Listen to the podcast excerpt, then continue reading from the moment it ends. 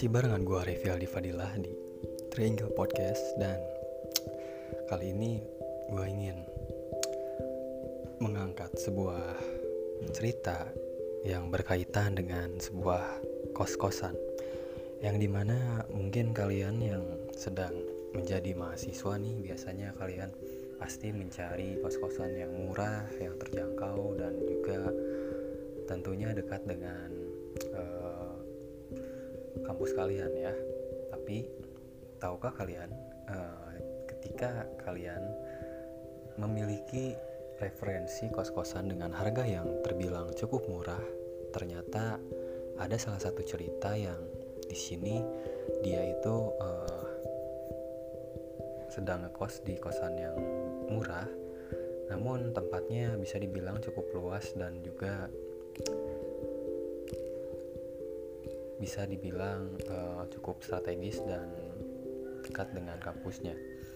Dan sebelum gua mulai episode kali ini, uh, mungkin untuk kalian yang ingin mengirimkan cerita horornya kalian bisa kirimkan cerita horor kalian ke alamat email triangle.podcast17 at gmail.com atau kalian bisa DM di Instagram podcast ini di triangle.podcast untuk kalian juga yang nantinya uh, ingin melihat perkembangan uh, informasi mengenai podcast ini kalian bisa mendapatkannya di akun Instagram tersebut. Dan gue juga sebagai voice over di podcast ini memiliki akun Instagram yang mungkin kalian ingin cek.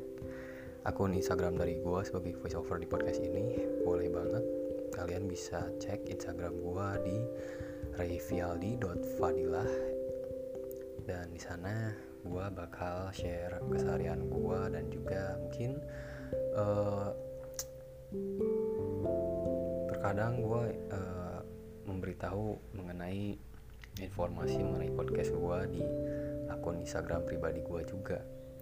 Namun yang lebih pasti uh, kalian jika ingin melihat khusus untuk perkembangan atau informasi di podcast ini kalian bisa kunjungi aja di podcast di Instagram podcast ini dan tanpa berlama-lama lagi berikut adalah pembahasannya selamat mendengarkan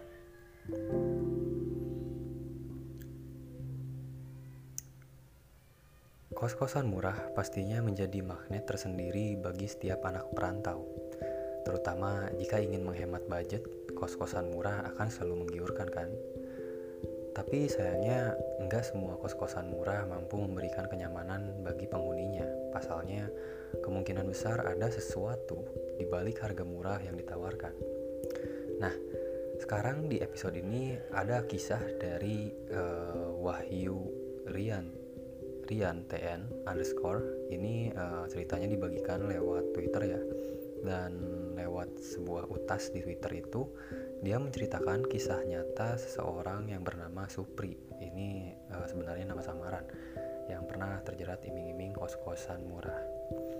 Bahkan kos-kosan murah itu menjanjikan berbagai fasilitas yang membuat Supri tergiur. Namun pada akhirnya Supri justru memilih pindah dari kosan itu setelah mengalami kejadian yang mengerikan dan mengetahui kisah kelam yang pernah terjadi di sana. Sebagai anak perantau dan pendatang di kota baru, Supri pun mendapatkan rekomendasi kos-kosan murah ini dari salah satu temannya yang bernama Baskoro. Karena sudah mengenal Baskoro cukup lama, Supri pun meminta bantuan kepada temannya untuk mencarikan tempat tinggal. Ternyata kosan tersebut tidak jauh dari tempat tinggal Baskoro dan hanya berjarak 10 menit. Dan saat pertama tiba di tempat tersebut, Supri pun sangat terkejut karena rumah itu tampak begitu mewah dari depan, bahkan tidak terbayang kalau tempat tersebut memiliki kos-kosan. Supri lantas bertanya kepada Baskoro, uangku 200 ribu beneran bisa dapat ngekos di sini. Tidak berapa lama seorang wanita renta pun kemudian menyapa mereka berdua. Ia adalah Ibu Asri, pemilik rumah sekaligus kos-kosan yang akan ditempati oleh Supri. Beliau kemudian membawa Supri untuk melihat lokasi kosan yang ternyata berada tepat di belakang rumah mewah itu. Meski sudah berputar-putar dan melihat lokasi, Supri masih merasa janggal dengan harga yang begitu murah. Dia sekali lagi bertanya kepada Ibu Asri untuk memastikan harganya dan dia pun berkata kepada ibu tersebut, Benar bu, 200 ribu aja, tanya Supri. Ibu Asri mengiyakan dan memberitahu bahwa harga itu sudah termasuk air dan listrik. Mendengar hal itu, Supri pun tidak berpikir panjang dan langsung membayarkan uang sewanya. Dengan bantuan Baskoro, Supri pun langsung merapikan barang-barangnya untuk menempati kamar barunya. Setelah beres semua, Supri pun yang merasa lelah kemudian langsung memutuskan untuk mandi agar terasa lebih segar. Tidak butuh waktu lama, Supri pun kemudian tertidur pulas di kamar barunya sampai sekitar pukul 11 malam. Dia pun terbangun karena perutnya merasa lapar. Beruntungnya, bekal yang dibawakan sang ibu masih tersisa. Dia pun memutuskan untuk menikmati hidangan tersebut sembari ditemani sepoyan angin dari kipas yang ditempel di dinding. Namun, saat sedang asik, Supri justru mendengar suara aneh dari ujung lorong lantai, tepatnya di dekat kamar mandi. Berhubung dirinya tidak mau berpikir yang aneh, Supri pun berasumsi kalau suara itu adalah langkah kaki penghuni kosan lain yang tinggal di lantai dua. Sayangnya, apa yang dipikirkan Supri itu seketika buyar. Secara mengejutkan, dia mendengar suara wanita yang sedang tertawa, terbahak-bahak, dan seketika berubah menjadi tangisan lirih. Dibalut rasa ketakutan, Supri pun penasaran memutuskan untuk membuka pintu dan mengintip ke arah kamar yang dicurigai menjadi asal suara tersebut. Anehnya, suara itu tetap terdengar, namun Supri pun tidak melihat uh, tidak melihat apa-apa di situ dan di depan kamar tersebut itu memang tidak ada apa-apa. Seketika itu nyalinya pun ciut dan dia pun memutuskan untuk mencoba tidur meski merasa sangat takut. Setelah tinggal di tempat itu beberapa lama, Supri akhirnya berkenalan dengan orang lain, termasuk Mas Ari yang ternyata tinggal satu lantai dengannya. Walaupun awalnya merasa takut, Lama-kelamaan Supri mulai terbiasa dengan gangguan yang ada. Sampai pada akhirnya ada suatu kejadian yang membuatnya sangat terkejut. Sepulang dari kampus, Supri memutuskan untuk mandi. Kondisinya saat itu Mas Ari belum pulang dari tempat kerjanya. Jadi hanyalah Supri yang ada di lantai itu. Dan saat sedang bersiap-siap, Supri pun mendengar suara seperti ada orang yang sedang mandi di kamar mandi tersebut. Sontak dia yang sedang tidur-tiduran langsung bangun dan dibuat penasaran dengan suara itu. Supri ingat bahwa sedari tadi tiada ada sosok lain yang datang ke lantai dua. Pasalnya, sejak tiba tidak ada suara yang menunjukkan kedatangan orang lain di lantai tersebut. Terlebih lagi, pintu kamarnya terbuka dan seandainya jika ada yang lewat, pasti akan terlihat olehnya. Selama lima menit kemudian, suara uh, percikan air di kamar mandi itu pun terhenti, tapi suara tersebut digantikan dengan suara langkah kaki orang yang mendekati ke arah kamar Supri dan dia pun melihat penghuni yang selama ini mengganggunya. Setelah dirasanya aman, Supri pun masih penasaran dan memutuskan untuk mengecek kamar mandi. Pikirnya jika memang sosok yang dilihatnya manusia, maka otomatis kamar mandi masih akan becek. Namun, saat tiba di kamar mandi, dirinya mendapati lantai tersebut kering dan air bak mandi pun begitu tenang. Selepas kejadian itu, Supri pun masih mendapatkan banyak gangguan lain mulai dari sepatu yang berpindah dan suara burung gagak di dekat kamarnya.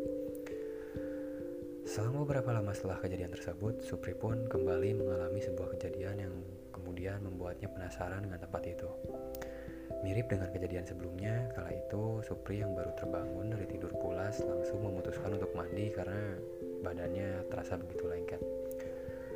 Saat sedang asik mandi alias mengguyurkan air ke badan, Supri pun mendengar suara lirih yang sama seperti yang dirinya dengar saat pertama tiba di kosan itu.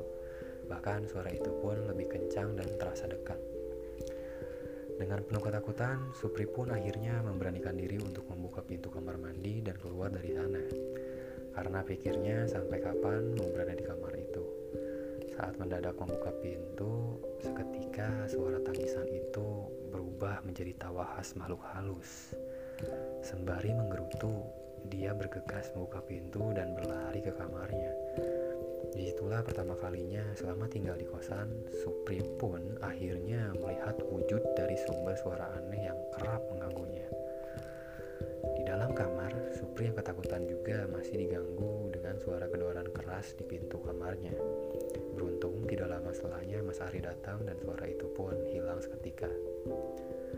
Setelah kejadian itu, Supri langsung menghubungi Baskoro dan menceritakan semua yang ia alami selama tinggal di kosan tersebut. Baskoro mengaku tidak mengetahui apa pun terkait kejadian itu. Supri yang penasaran kemudian memberanikan diri untuk bertanya pada warga sekitar. Akhirnya dirinya pun mengetahui bahwa ada kisah kelam di balik kos-kosan murah tersebut. Dan mendapatkan informasi dari warga sekitar bahwa ada yang meninggal di situ. Bu aslinya juga tahu saat sudah meninggal di tempat dan dia pun melongo mendengar cerita Bu Lasmi. Cerita ini benar kan Bu? Tanyanya untuk meyakinkan lagi.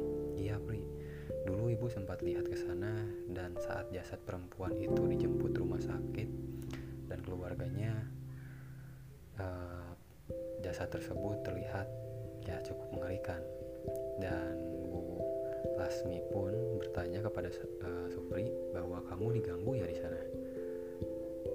Di situ memang sering begitu. Kalau orang-orang baru pasti nggak bertahan lama, menurut keterangan Bu Lasmi. Ya, itu adalah cerita dari uh, salah satu penghuni kosan murah yang gue dapatkan dari sosial media kesimpulan dari cerita ini mungkin untuk kalian yang tergiur dengan harga kosan murah sekali lagi alangkah baiknya mungkin kalian mencari tahu terlebih dahulu terkait tempat tersebut. Karena siapa yang tahu di balik harga murah itu memang ada uh, sebab yang bisa membuat kalian merasakan hal-hal yang di luar kalian bisa mengalami hal yang sama dan mungkin amit-amitnya nih kalian bisa mengalami hal yang jauh lebih mengerikan daripada pengalaman Supri di sini. Semoga uh, dengan adanya episode ini kalian yang tergiur dengan harga kos-kosan yang murah berpikir kembali untuk menempati nah, tempat tersebut. Itu aja saran dari gua dan di episode yang selanjutnya gua bakal uh, angkat salah satu pembahasan mengenai hal-hal misterius yang tentunya akan terasa seru untuk dibahas dan untuk didengarkan oleh kalian tentunya. Tapi jika kalian mempunyai referensi pembahasan mengenai hal misteri ataupun cerita hantu kalian bisa DM aja ke akun Instagram podcast ini di triangle.podcast nantinya bakal gue angkat uh, episode yang kalian rekomendasikan tentunya selain itu uh, kalian juga bisa mendownload semua episode yang ada di podcast ini. Secara offline kalian tinggal download aja semua episode yang ada di di podcast ini. Dan jika kalian tidak ingin ketinggalan dari episode-episode selanjutnya dari podcast ini kalian bisa nyalakan notifikasi dari podcast ini di Spotify atau di platform podcast lainnya tentunya. Dan terakhir nama gue Revel Divanilah sampai bertemu lagi di kesempatan yang selanjutnya goodbye listeners Thank you.